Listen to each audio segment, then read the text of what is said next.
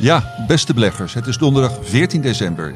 In de week waarin Pfizer waarschuwde voor een omzetdaling bij de coronaproducten en de Fed de aandelenmarkt in vuur en vlam zette met berichten over meerdere renteverlagingen, staat de AEX op 793 en de S&P 500 op 4727 punten. Tijd om te praten over beleggen. Dit is voorkennis. Three ways to make a living in this business. Be first, be smarter, or cheat. No, I don't cheat. Beleggersbelangen presenteert voor kennis.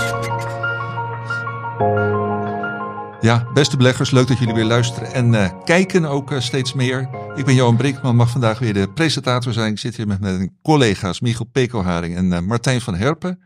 Met hen ga ik heel veel terugblikken, maar ook twee hoofdonderwerpen bespreken. toepasselijk in deze feestmaand, wat zijn de beleggingskansen op de internationale drankenmarkt? En uh, dan, wat ging er in 2023 allemaal mis bij DSM Firmenich en gaat dat in 2024 dan beter? Maar zoals altijd, we beginnen met uh, terugblikken. Martijn, wat is jou afgelopen week het meest opgevallen? Nou, je refereerde zelf al aan Johan uh, Pfizer gisteravond. het is meer Steffens portefeuille. ging een klein 7% vanaf. Je bedoelt Steffens portefeuille in die zin dat hij het aandeel volgt en ook in de hoogdividendportefeuille heeft. En volgens mij ook in zijn persoonlijke portefeuille. Ja, en, ah, ja, en, Ik, en ik ook. En ja, oké. nee.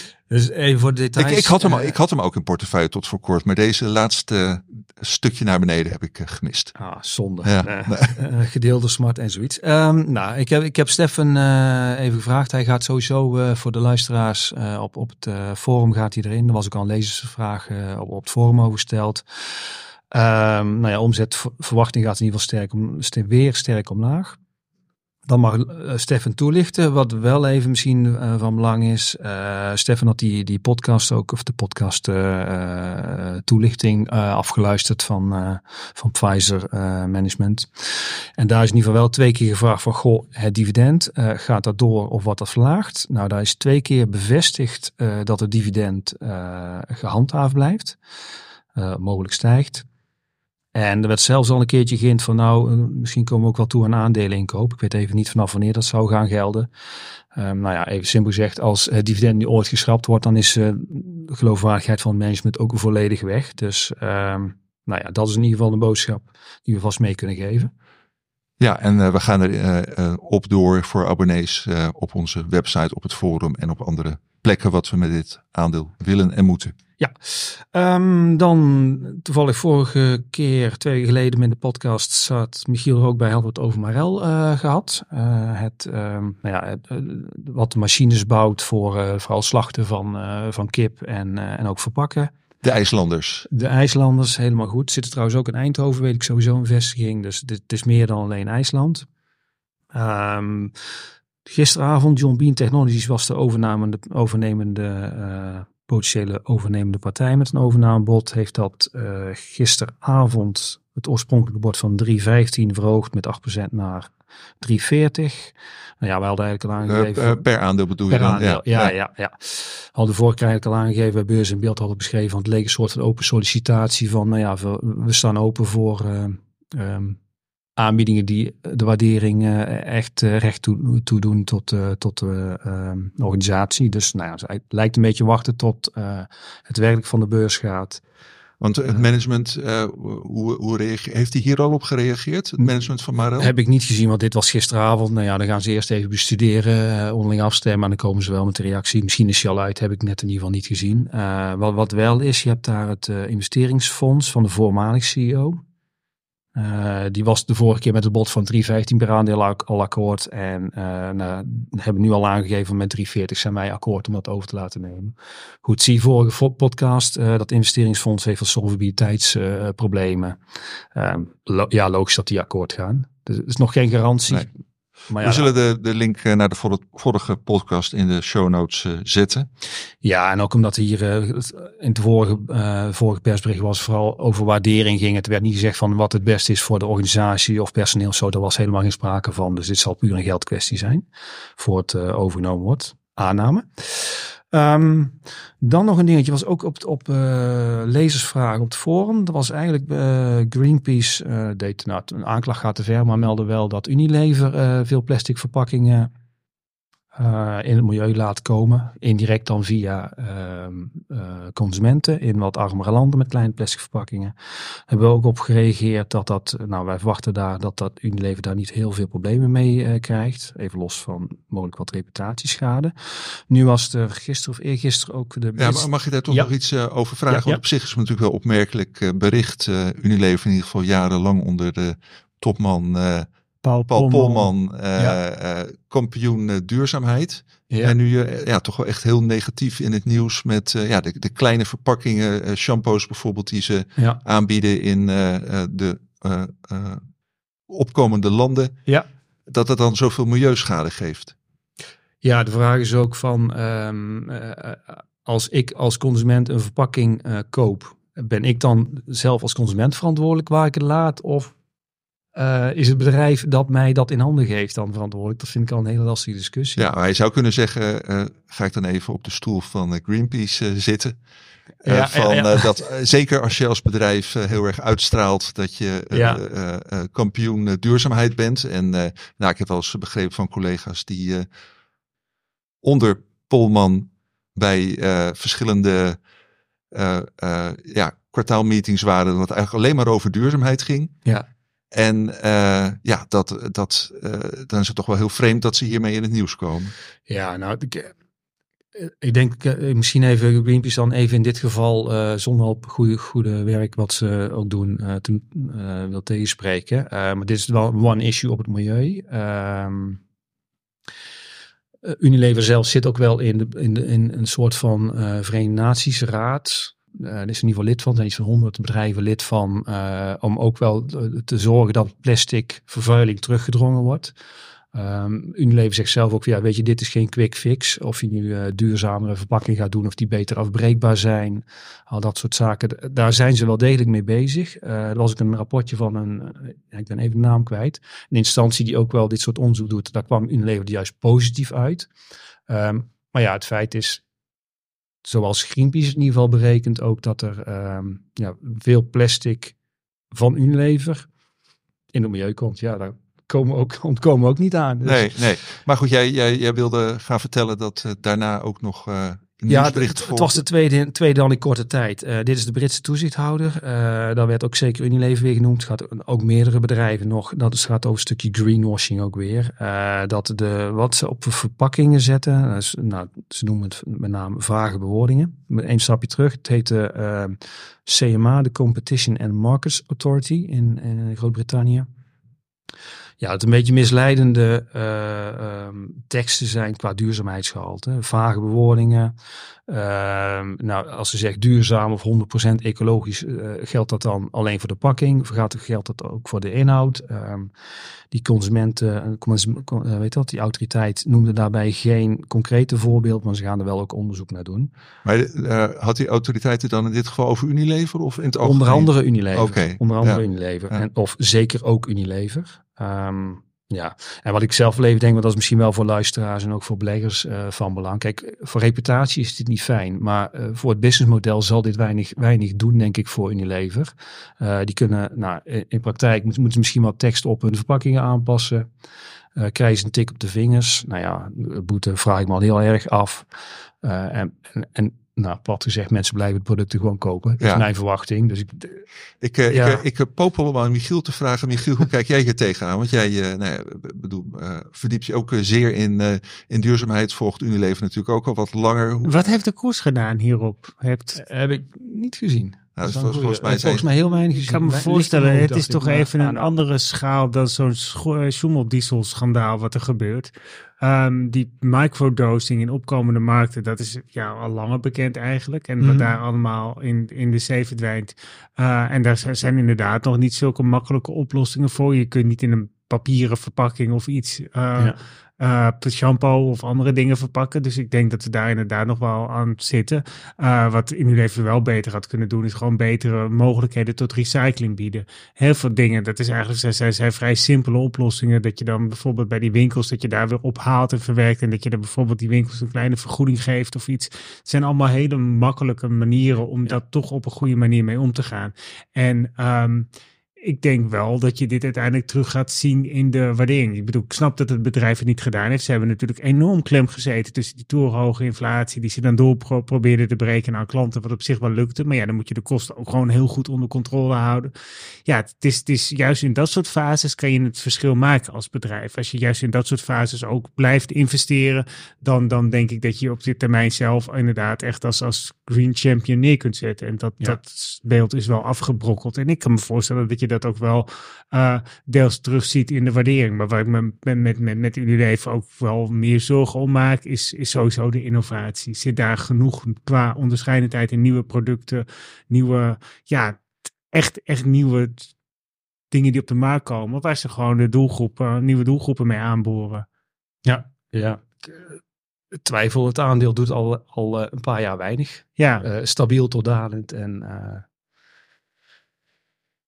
ja, ja, nou ja, goed, de laatste woord is, het is wel heel, niet over gezegd. Het is wel, het is wel heel goedkoop, laat dat even... Het, ja, maar dit is heel goedkoop geworden. ja, ja, heel ja, goedkoop ja. geworden, dat, dat klopt. Ja. En ik kan me voorstellen, als je dan toch, misschien dat we daar zo meteen met DSM Firmenich ook op terugkomen, dat je als, als, als bedrijf een bepaald soort uitstraling hebt. Uh, en de duurzaamheid is gewoon onderdeel van het plaatje, van, van wat beleggers zien. Je hebt natuurlijk de financiële resultaten, hoe uh, voorspelbaar en solide ontwikkelen die zich. Maar ja, je wil als bedrijf ook wel een bepaald soort uitstraling hebben. Sommige partijen die, die hoeven zo'n aandeel niet in portefeuille te hebben. En je hebt genoeg asset managers die denken van oké, dit is een mooi punt. Wij gaan hierover even in discussie. We knopen een engagement aan met, met zo'n onderneming. Dus het zou mij...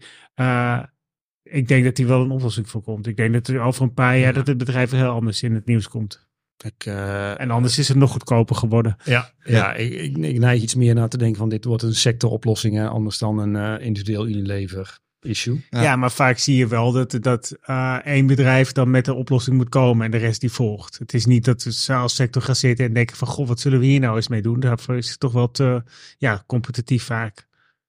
Oké, okay, maar uh, interessant punt. Dat ja. blijkt ook al weer uit, dit, uit deze kleine discussie.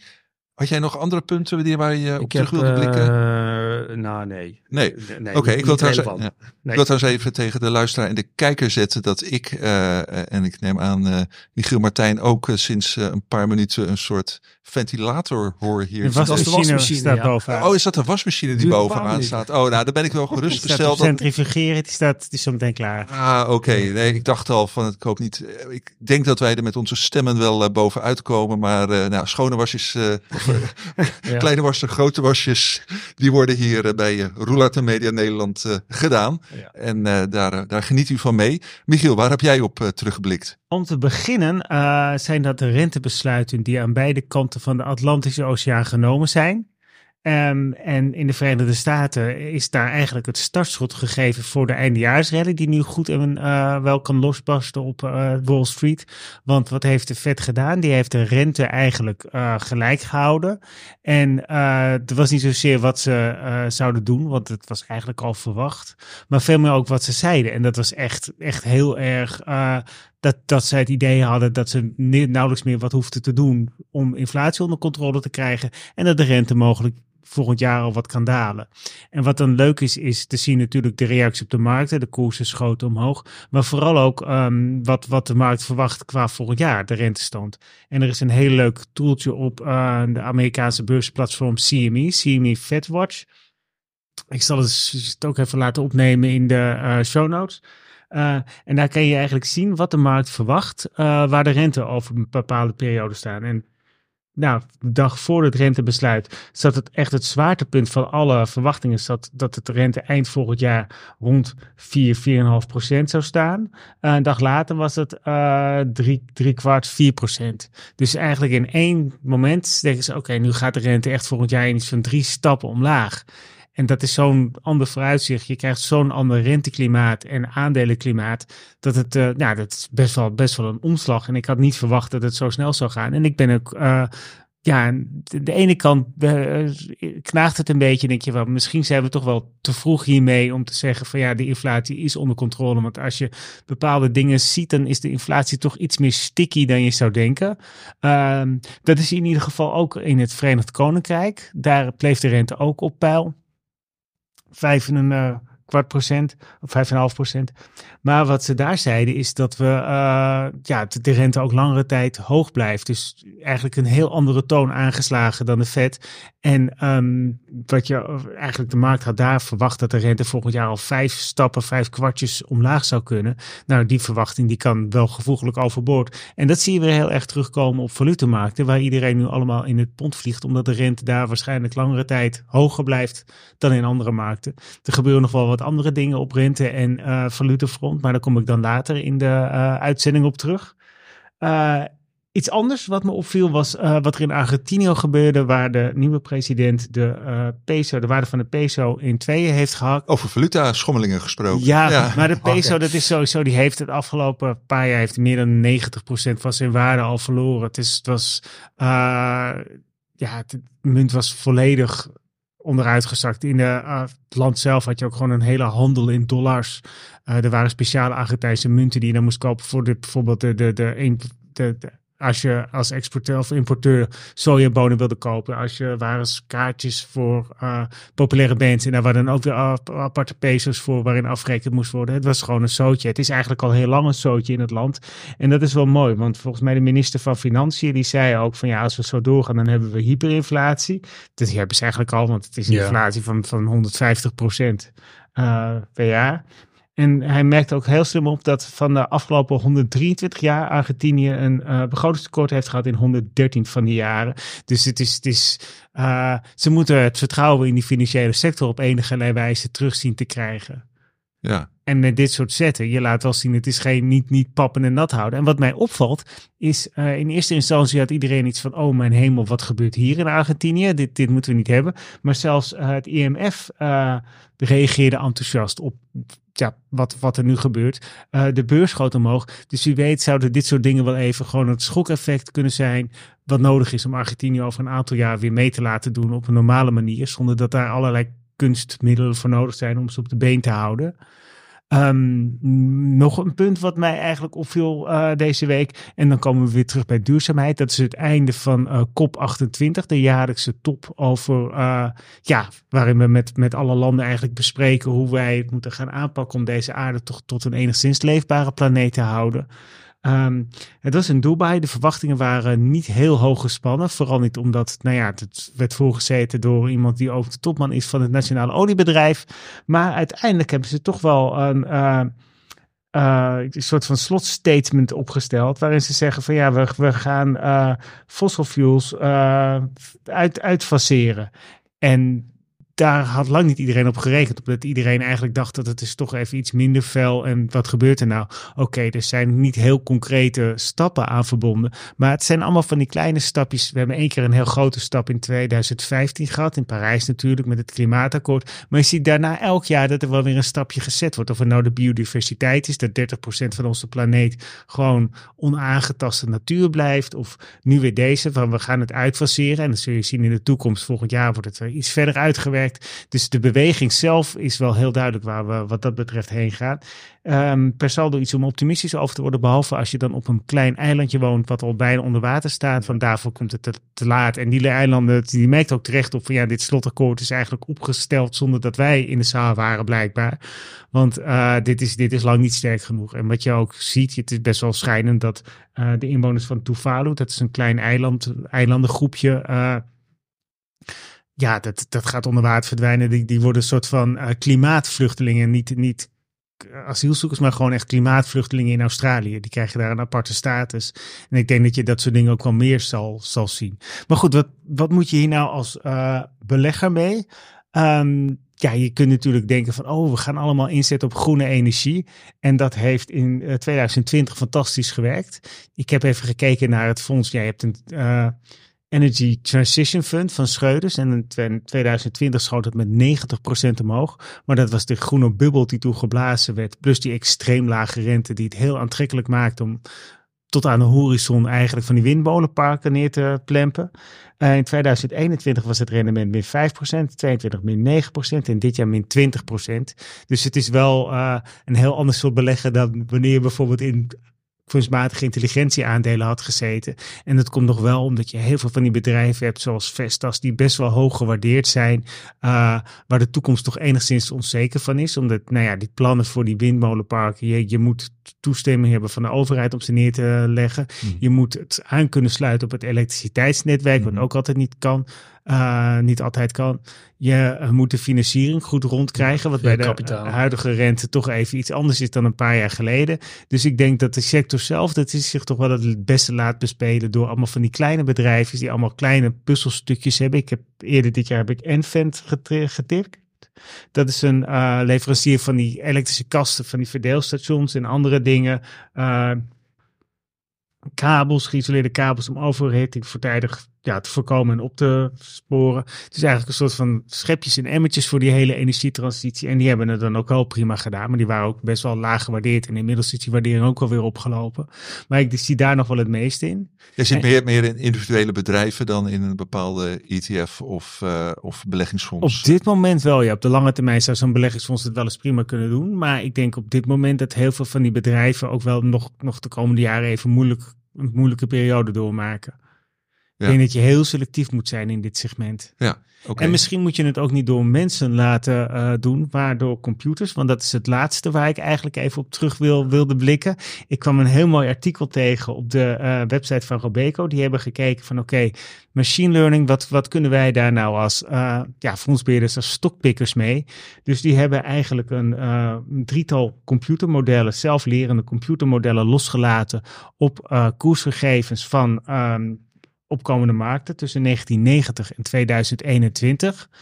En wat ze eigenlijk hebben gedaan, is die drie modellen aan de hand van 36 indicatoren. Want je moet wel die input geven. En dat zijn bijvoorbeeld de waardering of, of het. Nou, allemaal van dat soort zaken zijn ze gaan kijken. En uh, hebben ze de computers de periode tot 2000, van tussen 1990 en 2001 gegeven. Van oké, ga hier maar eens kijken of je er wat in kan ontdekken. En daarna zijn ze in de periode daarna gaan kijken wat dat had opgeleverd. Als je dat inderdaad zo had gedaan. En uh, dat werkte eigenlijk best wel goed. Ze kwamen erachter dat, uh, dat, dat als je alleen al op het vrij, vrij basis manier in zou zetten, dat je een extra rendement kan maken van 2% per jaar. En ze zijn ook gaan kijken naar um, wat het zou gebeuren als je een long en een short portefeuille hebt. Dus dat je er in de meest, ja, bedrijven die beste scoren dan long zit en slechtste scoren short zit. En dat levert er een extra rendement op van 1% per maand. Dus het, is, kan wel degelijk de moeite zijn om straks naast de gebruikelijke mensen uh, ja, een computer in te zetten. En volgens Robeco kwam dat ook wel omdat die computers echt door dat zelflerende allemaal verbanden zien die je als mens gewoon niet ziet. Als je een hele bergen data hebt, je komt er gewoon niet, je, je, sommige dingen zijn, zijn niet zo makkelijk te verklaren of niet zo makkelijk te bedenken.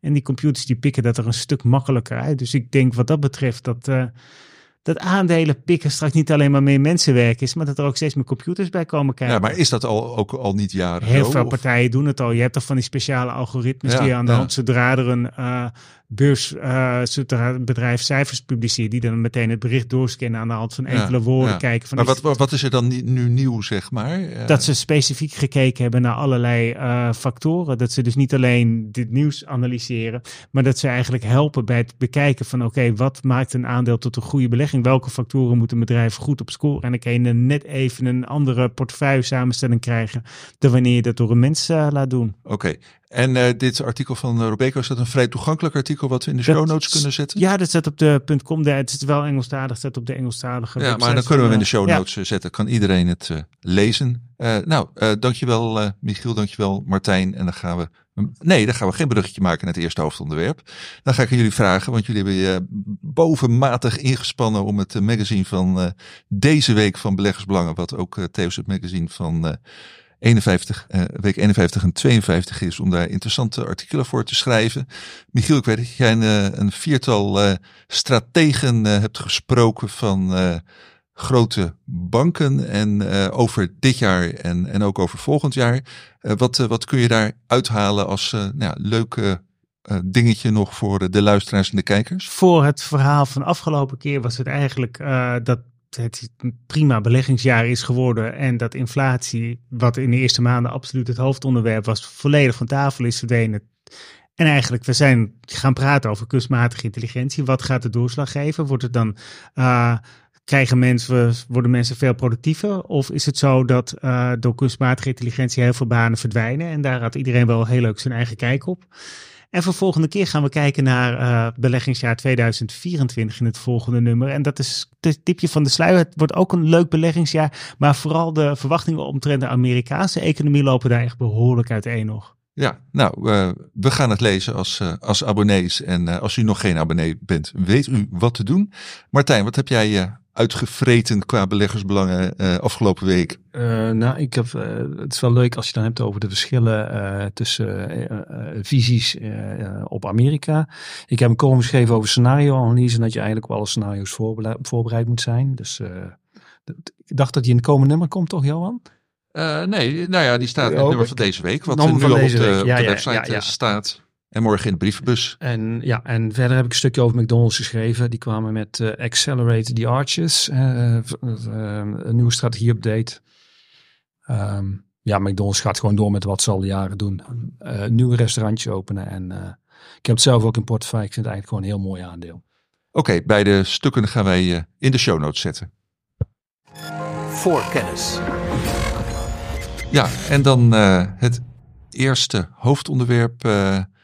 Martijn, jij bent uh, een paar maanden geleden op de redactie komen werken en een aantal hele mooie artikelen geschreven. En nou, een artikel wat, wat echt helemaal uit jouw eigen koker komt, dat is de, de drankenwereld. Ja. Vertel waarom vind je dat interessant en wat moeten beleggers daarvan weten?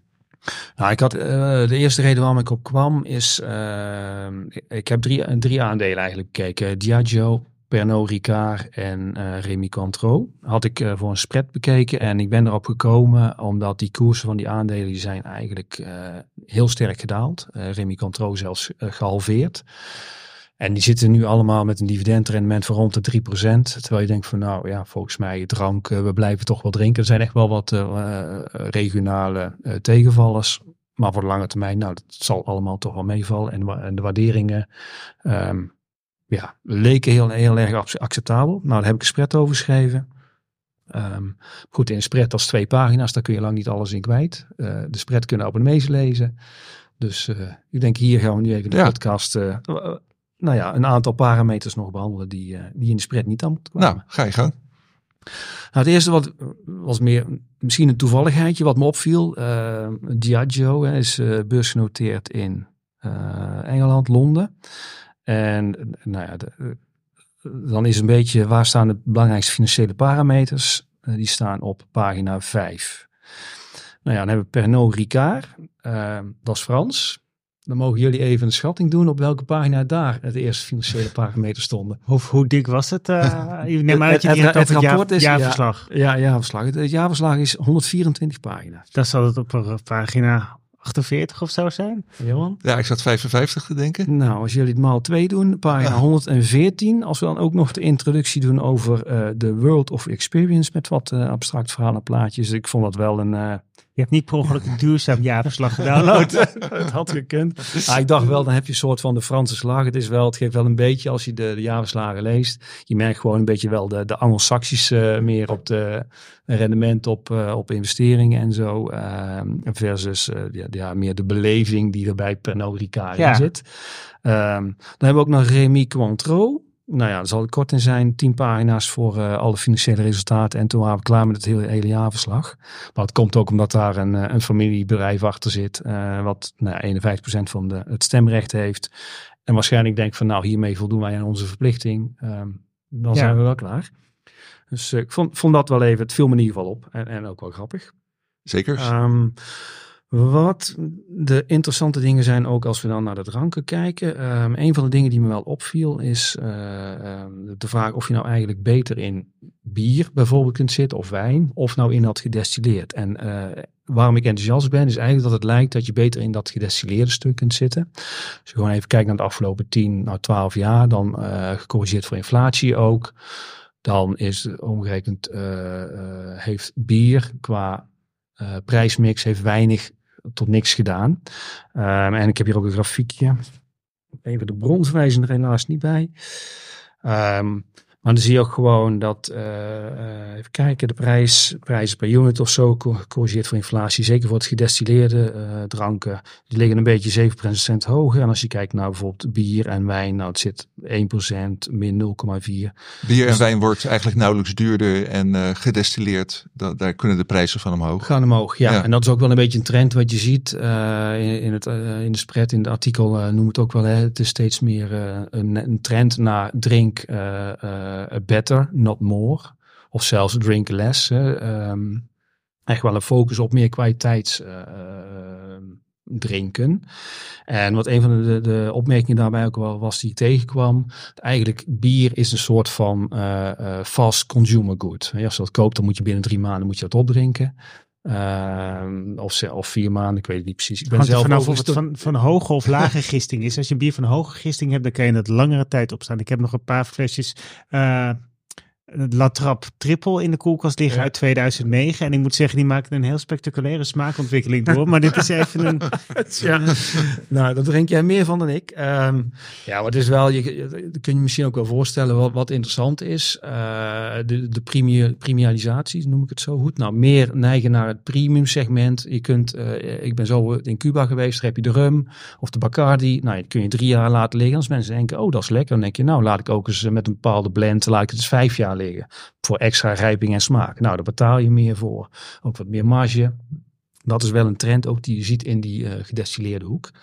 Nou ja, eh, ook alleen in de biermarkt worden natuurlijk de speciaal biertjes volgens mij steeds belangrijker ten opzichte van uh, nou ja, ja, de gewone flesjes met. Uh, ja, tegenwoordig zit het ook steeds vaker in een blikje. Gewoon die speciaal bieren. Dan heb je een blikje met een heel ja, explosieve smaakervaring. Ja. In plaats van gewoon traditioneel flesje pils. Nou, even terzijde, wat me laatst opviel, was uh, biertjes, uh, gewoon biertjes aan het uitzoeken. En bij ons in het, uh, in het schap, ik zag eigenlijk alleen maar alcoholvrije biertjes. Ik denk, worden, worden er nog biertjes met alcohol verkocht? Maar ik moest echt zoeken van het was allemaal 0.0. Maar goed, dat. Uh... Nou, dat is wel een trend. Ook even. En nou, een beetje haktak. Um, heb ik ook wel genoteerd. Ook voor de. Want je denkt sterke, sterke merken. Ik, nou, qua, qua voor het verhaal van vandaag, vooral Diageo is een grote speler. Dan met heel veel merken, iets van 200 of zo. Pernod Ricard heeft er ook in, in de orde van grootte. Um, wat daar ook wel een trend is, dat zij ook echt heel expliciet, zeker de laatste jaren, aan het kijken zijn. Ook naar de uh, non-alcoholische vervangers voor, nou ja, whisky, gin is er zeker eentje. Um, en dat vond ik ook wel een opvallende trend. Um, ik even de term ook, hoe ze hem hier noemen. Ja, ze, zeker Pernod. Nou, dat is wel weer het mooie van, van hun jaarverslag. Dat ze uitgebreid allerhande dingen vertellen. Ze zei ook, it started with key moments like dry January and sober October. Um, Nou ja, inmiddels is het meer uh, de modera moderation, hè, het beperken van het alcoholverbruik, steeds meer een trend naar bewust drinken, uh, conscious consumptie. Nou ja, en die trend dus, dat is ook wel een kans voor dit soort bedrijven, uh, omdat ze hier ook weg wel, ook wel goede marges kunnen maken. Ter inspiratie, Pernod Ricard in 2021 hebben ze Cedars Cedars overgenomen. Uh, in 2022 hebben ze een aandeel genomen in het drankje Boison. Ik ken het verder niet, maar het geeft wel iets aan. Uh, in 2023 Seagram. En voor 2024 staat er alweer B verder. Nou, het zijn allemaal hele mooie namen. Maar dat geeft wel even aan. Ze zijn heel actief bezig ook met het uitbreiden van het portfolio in de non-alcoholische uh, dranken. Die eigenlijk een vervanging kunnen zijn. Of die je ook gewoon kunt toevoegen aan je cocktails. Dat je gewoon wel van een cocktail bijvoorbeeld kunt genieten van die smaakervaring, maar dat je niet, uh, niet alcohol nodig hebt. Dat is echt een, uh, een sterk groeiende markt voor, klinkt heel vreemd, de drankenconcerns. De ja. cocktails. Dus voor de, ja, bijvoorbeeld de cocktails, ja. De mocktails. De mocktails, alcoholvrij. Ja, onder andere. Ja, ja. ja, ja. En uh, het zien we nu opeens binnen, je deze mooie concerns. We hebben natuurlijk Lucas Bols in, uh, ja. in Nederland. Heb je daar ook nog naar gekeken? Die, nee, ligt, ook een over, ligt ook een overnamebod? Uh... Is het niet inmiddels al helemaal? Uh, volgens mij is het al helemaal. Oh, het is al helemaal overgenomen. Ik weet even niet zeker. Ja. Nou, ah, ja. Wat, wat ik wel, wel opviel als je doorverslagen las. Ik weet even nog niet of het Diageo of Pernod Ricard was. Dan zie je ook in één keer Ketel Bols, weet je, of zo. Ja. Dus je ziet er wel een stuk dat is ook ooit een, een, stuk overgenomen. Dus je ziet het wel terug. Zoals Guinness auto die uit Diageo werd ingelijfd. Ja. Ja. Als je het hebt over non-alcoholico, ook van Guinness, zag ik dat daar een variant... Uh, klopt, klopt. Die is niet, geen aanrader. okay, nou ja. Dit zijn van die grote blikken zijn niet verkrijgbaar. Wat op zich, want die hebben wel heel innovatief zo'n uh, drukcapsule, dat je wel echt het schuim krijgt zoals je dat gewend bent van dat soort bieren. Maar de smaak van de non-alcoholische Guinness is niet echt overtuigend. Het is gewoon romig en ja, het is niet, het is niet de real deal. Nee. Uh, maar er is zeker wel een kans. Uh, nou ja, en Diageo heeft, uh, heeft met name Seedlip als non-alcoholische gin alternatief. Ja. Um, dat is, even kijken. Nou ja, ik ben daarom dus ook, als we dit allemaal zo horen, even wel iets enthousiaster over de ehm, de sterke, eh, sterke merken, nou mag ik zo niet meer zeggen, de, de drankenconcerns, ja. zou ik zeggen, de spirits, dan over de biermarkt. Uh, even los van dat je ook craft bier en dat soort dingen hebt die als uh, echt speciaal biertjes. Maar overal is het een, lijkt de trend wel zo te zijn dat het gedestilleerde gewoon iets sterker groeit. En, en zeker ook door dat er meer pricing power, pricing power is. Ja, en, en, en meer ook productinnovatie. Um, en over nou, dat is niet productinnovatie, maar jij noemde net natuurlijk al kunstmatige intelligentie. Uh, dat, viel me ook heel erg op. Ik had echt wel een beetje het idee, uh, voor ik in de jaarverslagen uh, dook, van nou, drankconcerns is wijnkelders met mooie vaten. nou, je snuift het op met drijven, druiven, wijndrank enzovoorts. Nou ja, wat, wat lees je? Zeker bij Pinot Ricard, uh, maar ook bij Diageo heel intensief ook artificial intelligence, digital marketing noemen ze het. En eigenlijk komt erop neer uh, dat zij uh, via die digitalisering steeds meer willen weten van de klant. wanneer drinken ze? Wat drinken ze? En niet alleen willen weten, terugkijken wat hebben ze gedaan. Steeds meer ook voorspellend. van waar verwachten wij dat de klant welk gedrag gaat vertonen. Um, om daar ook op, uh, op in te kunnen spelen. Um, daar heeft voor Diageo heeft daarvoor, nou in, in Brazilië expliciet noemen ze als markt een test, een, een soort van digital hub. Nou, Latijns-Amerika, maar ze, ze, zijn eigenlijk gestart in Brazilië.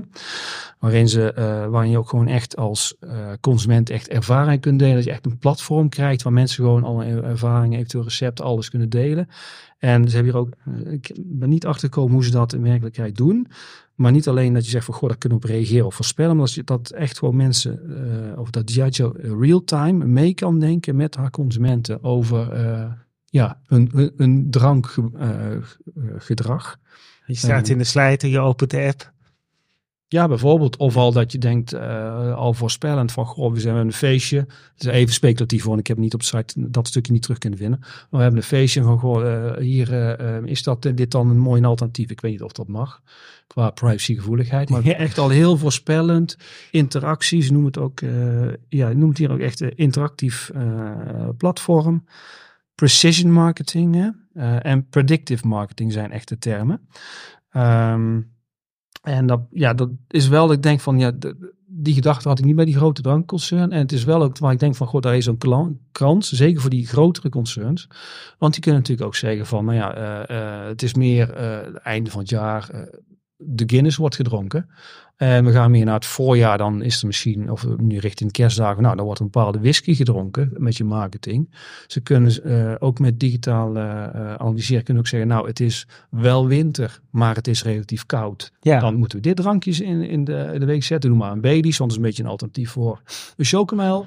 Of nou ja, het is toevallig een, een, natte, warme winter. Nou, dan moeten we weer nou, misschien naar een biertje. Of, je kunt uh, daarin ook, nou ja, je noemt net het voorbeeld van het, selecteren van aandelen. En zo is natuurlijk ook dat met die uh, kunstmatige intelligentie, die drankels ook steeds meer weten.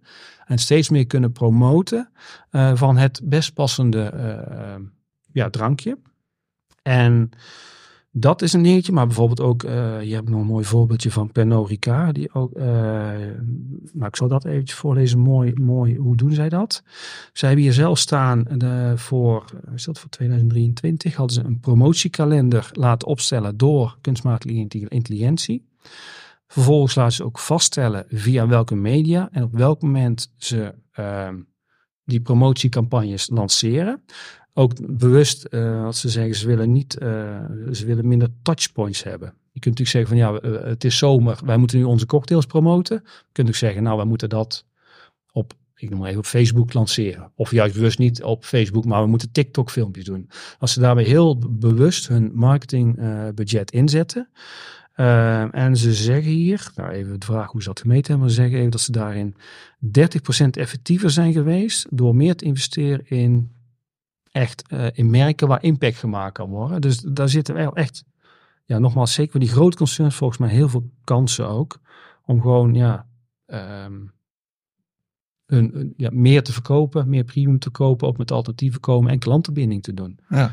Dus ik vind het wel echt een. Uh... Nou, super interessant. En inderdaad, uh, een flink forse bijstelling voor het romantische deel, uh, beeld van de wijnkelders, waar een oud meneertje. ja. Wat, eh, cognac, ik noem maar wat, uit een, eh, uit een vat laten, laten rollen. Maar uh, nou, heel, heel inzichtelijk, uh, Martijn. Ja, ik moet wel zeggen, als je die de jaarverslagen ook leest, zijn nog steeds wel heel erg, dat, dat, dat heb ik wel een beetje in het artikel, ze zijn steeds heel erg van het beschermen van hun, nou ja, dus duurzaamheid ook, het beschermen van hun uh, ter, terroir, terroirs, terroirs, dat is Franse term. Ja, die grond. De gronden waar de, de, de wijnranken en andere dingen, en ook de bijhorende omgeving, om die goed te beschermen. Ja. Dus daar zijn ze wel echt ook, nou dat zie je al in, in alle verslagen terug. Uh, enorm ook lange, Dat blijft toch de basis. Ja, ja en nou, ook enorm lange termijn gericht. En, en ook wel echt, ja, vind ik wel mooie aandelen. Ja, nou, dat, uh, dat is helder. Dankjewel uh, Martijn voor deze uiteenzetting.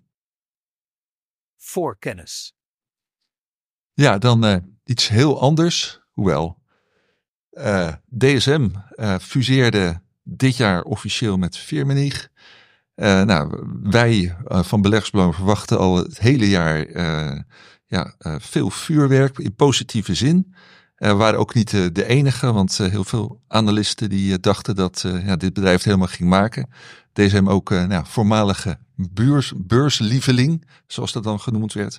Maar ja, helaas, die, in ieder geval qua koers werden die verwachtingen niet, niet waargemaakt. Uh, Michiel, wat ging er uh, allemaal mis met uh, het fusiebedrijf dit jaar?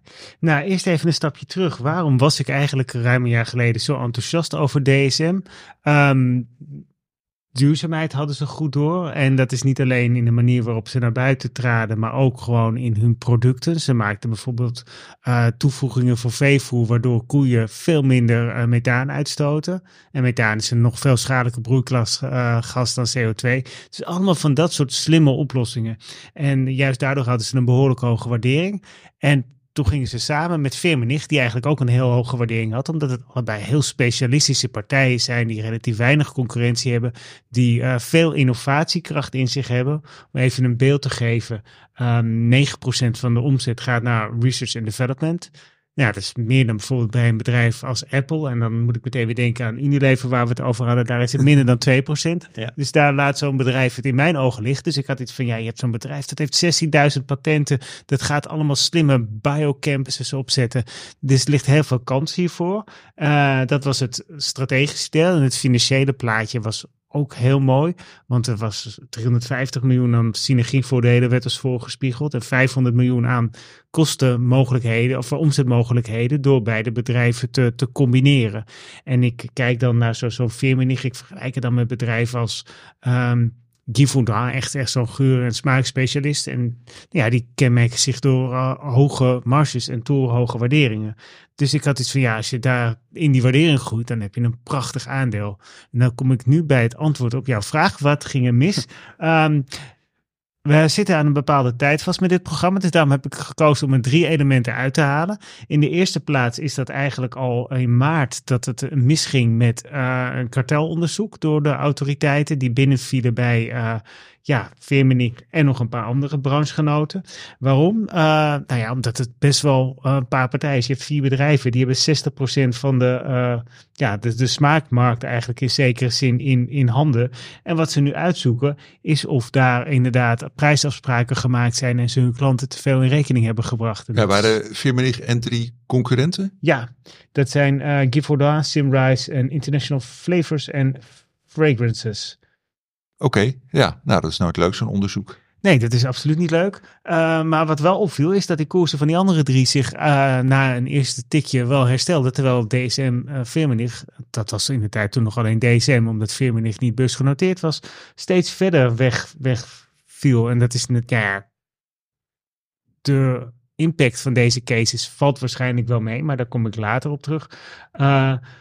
En de maximale boete die is 10% van de bedrijfsopzet of een maximum uh, van 500 miljoen in dit geval. Dus je zou zeggen dat het, nou ja, als zitten tegen, dan, dan is de koersklap veel groter dan wat je eigenlijk zou denken op basis van de daadwerkelijke financiële schade.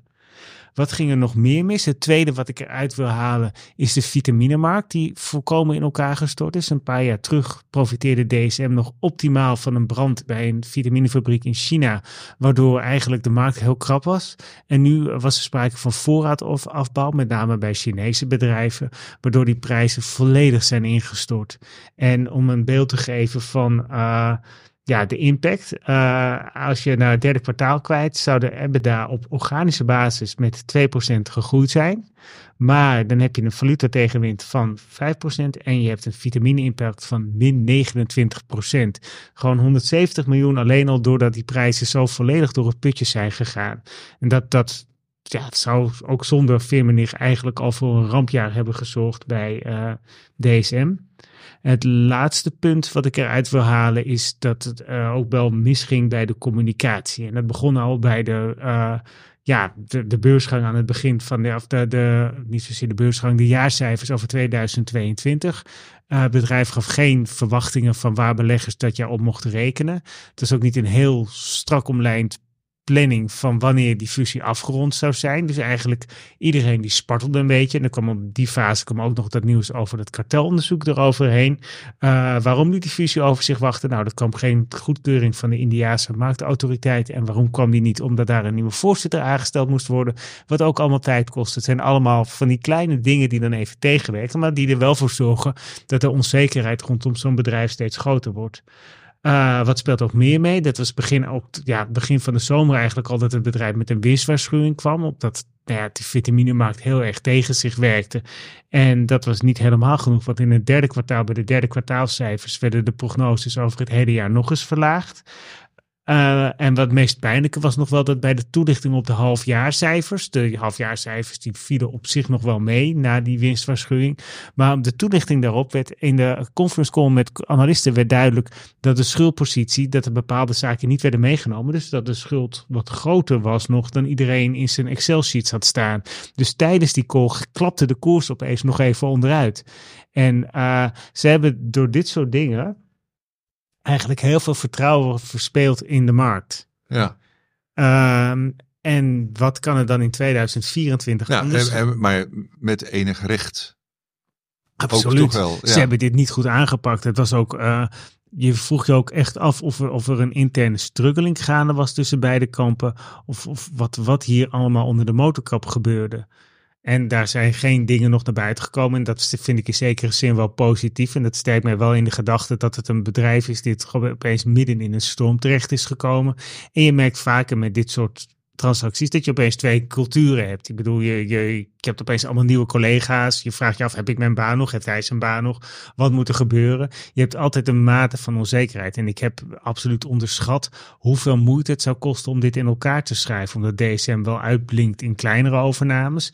En ook omdat dit best wel een uh, aparte tak is. Omdat je zou zeggen, ja, je hebt geur en smaak. Dat is heel, anders dan uh, de traditionele het voedingssegment, de uh, gezondheidssegment, waar, waar DSM eigenlijk in zat. Ja, Dus het is eigenlijk iets wat ernaast komt. En mijn ideale beeld van je hebt eigenlijk een tak ernaast, zodat je een nog meer solide uh, resultaatontwikkeling hebt. Dat als het een keertje tegen zit in één marktsegment, dat het andere gewoon goed doordraait. Dat is eigenlijk uh, volledig onderuit gehaald, omdat het in alle marktsegmenten ja, nu misging ja. met het kartelonderzoek en die vitamineprijzen. Dus je hebt een bedrijf dat in een perfect storm zit en een fusie doormaakt en dat op deze manier met deze communicatie het vertrouwen gewoon verspeeld heeft. Ja, Klinkt goedkoop. Dat is het nog niet, maar dat, um, daar kom ik zo, ja, daar kom ik eigenlijk wel nu nou ja, de, ja, de grote vraag is uh, van, wat, wat nu... Wat, uh... wat, waardoor heb ik nog vertrouwen? Uh, dat is deels omdat veel van die zaken tijdelijk zijn. Die vitamineprijzen, die herstellen zich al. Veel partijen in China hebben de productie gestaakt. Je ziet die markt minder krap worden. Dus ik zie in dat opzicht een verbetering 2024. In het eerste kwartaal van dit jaar komt er een uh, uitkomst van het onderzoek van die, uh, ja, van die waakhond naar de, de, de, kartelvorming naar buiten. En dan weten we dus ook welk prijskaartje eraan hangt. Maar de volgende stap is, dan kunnen nog wel heel wat partijen die hebben al gezegd van ja, we gaan ze aanklagen omdat ze ons de hoge prijs hebben doorgerekend. Er kan nog wel even in de eerste maanden van het jaar een storm van wat juridische onzekerheid opsteken. Maar ik denk dat in de loop van het jaar steeds beter duidelijk wordt wat nou, de definitieve gevolgen zijn. En wat mij er ook van overtuigd heeft, is dat DSM heel slim in het derde kwartaal een uh, pad heeft uitgetekend van oké, wij hebben ooit gezegd, wij mikken op een uh, van onze combinatie, we hebben die synergievoordelen, andere voordelen. Wij groeien naar een EBITDA marge van 22 à 23 procent en een omzetgroei van 5 tot 8 procent per jaar. En dat hebben ze herhaald. Ze hebben helemaal uitgelegd van, uh, oké, onze huidige EBITDA-marge is 14%. Hoe willen we daar komen? Nou ja, normaal macroklimaat zonder vitamine ellende, dat scheelt tot 2%. Wij gaan de vitaminetak aanpakken. We gaan heel grote besparingen doorvoeren. Dat is nog eens 2%. Die synergievoordelen waar we het over hadden, dat is ook eens 2%. Het uh, versterken van de portefeuille, de cross-selling van bepaalde producten, dat is ook eens 2%. En zo kom je eigenlijk al binnen een paar jaar op dat ja, niveau wat ze, wat ze voorschetsen. Wat betekent dat in de praktijk? Het lopende jaar hebben ze een omzet van circa 12,3 miljard en een uh, EBITDA van 1,7, 1,8 miljard. Als je dan uitgaat van een omzet die 6, 7% per jaar groeit, wat niet heel extreem is. En die marge die dus dan wel gehaald wordt, gaat die EBITDA niet van 1,8 eh, miljard, die gaat naar 3,2 miljard. Dus dan heb je een sprong van 75% die ze kunnen maken. En stel ze maken die sprong, uh, dan worden ze verhandeld voor ongeveer 7,3 maal de EBITDA. En dat is behoorlijk prijzig voor bedrijven. Kijk je naar zo'n Gifundar, wat ik al noemde, die wordt verhandeld voor 20 maal de EBITDA. Ja. Dat is de gouden standaard. Kijk je naar een ander bedrijf binnen de sector, dan kom je uit bij zo'n Simrise, 14,4 maal de EBITDA. Dus ik denk dat de, de, de waardering die op dit bedrijf geplakt moet worden, enorm veel hoger ligt dan waar, waar het aandeel nu voor verhandeld wordt.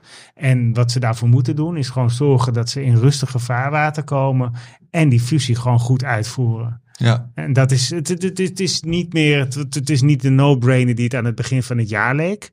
Maar ik heb er wel vertrouwen in dat je, dat je DSM nog altijd goed kan kopen op dit moment. Ja, want uh, voor de duidelijkheid, uh, we hebben uh, als beleggersbelang het hele jaar volgens mij een koopadvies gehad op ja. DSM later DSM 4 en hebben we nu... Uh, tegenvallen naar tegenvallen. Nu nog steeds. Afgezien als ik mijn, dit, dit soort dingen, de, de impact van die vitamineprijzen en zo'n kartel, het laat zich ook lastig voorspellen. Ja. Maar de volgende keer als zo'n fusie zich aandient, dan moet ik daar wel even een flink, ja, ja, overigens, uh, Michiel, jij trekt nu uh, het boetekleed aan, maar dat, uh, ik weet ook dat... bijna, bijna elke analist heeft het ook op kopen staan. Nou ja, en, en het aandeel zit ook in de dividendportefeuille van de onverprezen Menno van Hoven. ik heb zelf overigens in de loop, loop van het jaar bijgekocht. nou ja, ja ik, ik denk dat je daar, als we hier over een jaar zitten, dat je daar best wel blij op mag terugkijken. Ja, en nou, anders uh, hebben we een fantastisch onderwerp om het volgend jaar over te Ja, zo kun je het altijd uh, benaderen. Dus uh, nou... het koers is nu ongeveer 90 of zo?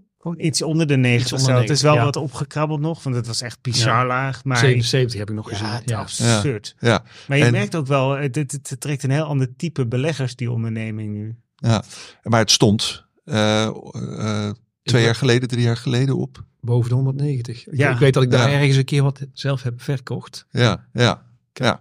Ik heb nu ook nog een deel portefeuille, maar ja, ja. soms, ja. Uh, soms win je wat, soms uh, verlies je dat. en, uh, op papier een prachtig bedrijf en nu gaan, moet het er nog uitkomen ook. Ja, nou dat is een mooi slot van dit onderdeel. En ja, dan zijn we alweer aangekomen bij de afronding en dat betekent vooruitblikken even heel kort met Michiel en uh, Martijn over wat er komende week gaat gebeuren. Want money never sleeps, zeggen ze dan. Dus ondanks dat het jaar langzaam richting kerst, de vakantie gaat, staat er nog van alles te gebeuren. Uh, Michiel, wat kun jij uh, Nou, waar ik noemen? naar, naar uitkijk is volgende week. We heb, ik heb het aan het begin van de uitzending begon ik over de centrale banken aan beide kanten van de Atlantische Oceaan. De Bank Ja. of England en de Federal Reserve. Um, maar wat echt interessant wordt, waar het echte vuurwerk volgend jaar gaat komen, dat is in Japan. En de Bank of Japan meeting die is volgende week op 18 en 19 december. Na 19 december vertelt de bank ook wat ze verwachten. Er gaat ongetwijfeld niks aan de rente gebeuren. Maar uh, dat gaat volgend jaar waarschijnlijk wel gebeuren. Want de rente is daar nog altijd min 0,1 procent.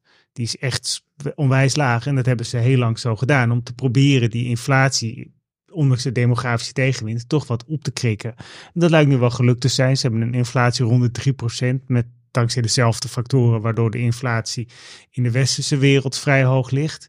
En het is ook niet houdbaar het beleid wat ze voeren. Want zij houden niet alleen de korte rente onwijs laag, maar ook de lange rente. En dat doen ze door die obligaties, gewoon staatsobligaties op te kopen. En inmiddels staan meer dan de helft van de uitstaande Japanse staatsobligaties op de balans van de Centrale Bank van Japan. Ja. Dus je krijgt allemaal rare dingen. De markt wordt eigenlijk helemaal vertekend. En ze zoeken eigenlijk een weg om ja, weer richting een meer normaal beleid te gaan. En daar horen renteverhogingen bij. Daar hoort ook een normale rente bij. Maar ja, dat zou je zeggen van nou, dan doen ze de rente toch wat omhoog. Maar omdat de rente zo laag is in Japan, heeft het allemaal effecten. Heel veel partijen die lenen echt tegen bodemprijzen in Japan. En die investeren het dan tegen veel hogere rentes, veel hogere tarieven in de ontwikkelde wereld. Als je bedenkt dat alleen al in Engeland en de Verenigde Staten de rente boven de 5% ligt, dan is het een mooi verschil. Maar wat ook heel aantrekkelijk is, is in Mexico en Colombia, dat zijn wat meer dan dat soort spannende markten. En dit, wordt ook wel met een mooi woord de, de carry trade genoemd. En eigenlijk is, zorgt het ervoor dat er een gigantische uitstroom is van liquiditeit uit Japan. En die stroomt allemaal naar activa in de ontwikkelde en opkomende wereld. En als die rente in Japan omhoog gaat, dan wordt het een stuk minder interessant. Dus dan kan er een hele stroom de andere kant op gaan weer. Ja, maar wat, wat merk je daar dan van als uh, nou ja, gemiddelde particulier in Hangt er vanaf. Als je Karel Merks bent, dan denk je dat het unwinding van die carry trade echt met honderden miljarden gepaard gaat. En dat we dat ook gaan merken in de waarderingen op de westerse beurzen. Ik zelf weet niet of het zo'n vaart loopt. Je ziet, je merkt hier wel wat van in de Japanse yen.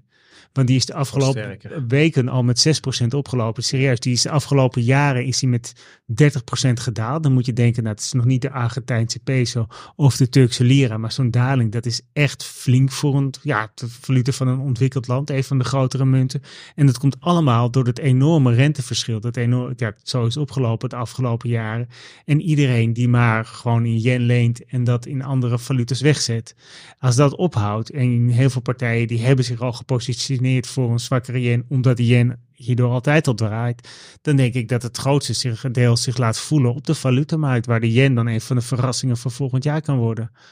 Dat ja. er ook een reden kan zijn om gewoon in Japan te beleggen. Want we hebben eerder al in dit soort uitzendingen gehad over de kansen die er in Japan liggen. En dan valt het valutarisico even niet afdekken. Dan heb je nee. een extra rendementsmotor. Ja, oké. Okay. Helder en uh, Michiel, jij zal uh, of in ons magazine of uh, aan deze tafel op dit onderwerp ongetwijfeld wel weer een keer terugkomen.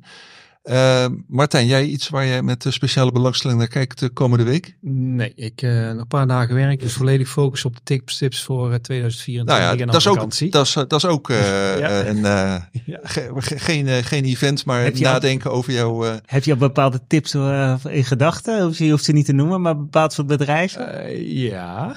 ah, ja. ja. Nee, ja. Dus, er staan er een aantal op de radar en dan gaan we even bestuderen en dan kijken of het echt mooie tips zijn. Ja, even voor de duidelijkheid voor de niet-abonnees die dat uh, dan waarschijnlijk ook niet weten. De vaste redacteuren van Belegsbelangen geven in uh, de eerste week van het nieuwe jaar altijd hun uh, persoonlijke beleggingstips. En daar denken wij allemaal en Martijn dus ook goed over na. Nou, dan kom ik nu echt op de afronding. dank jullie wel Martijn en Michiel. ja, we gaan gewoon door met voorkennis nog een week. Uh, zijn naam werd al genoemd, uh, Karel Merks, die zit hier ook uh, volgende week. allicht schat ik in dat hij dan ook wat over Japan kan zeggen, want dat event is dan geweest. Hij zit hier samen met, met Stefan Hendricks, die vast ook alweer aan het nadenken is over mooie onderwerpen. Pfizer. Pfizer, wellicht. heeft u vragen aan een van beide heren, stel ze dan op voorkennis.beleggersbelangen.nl.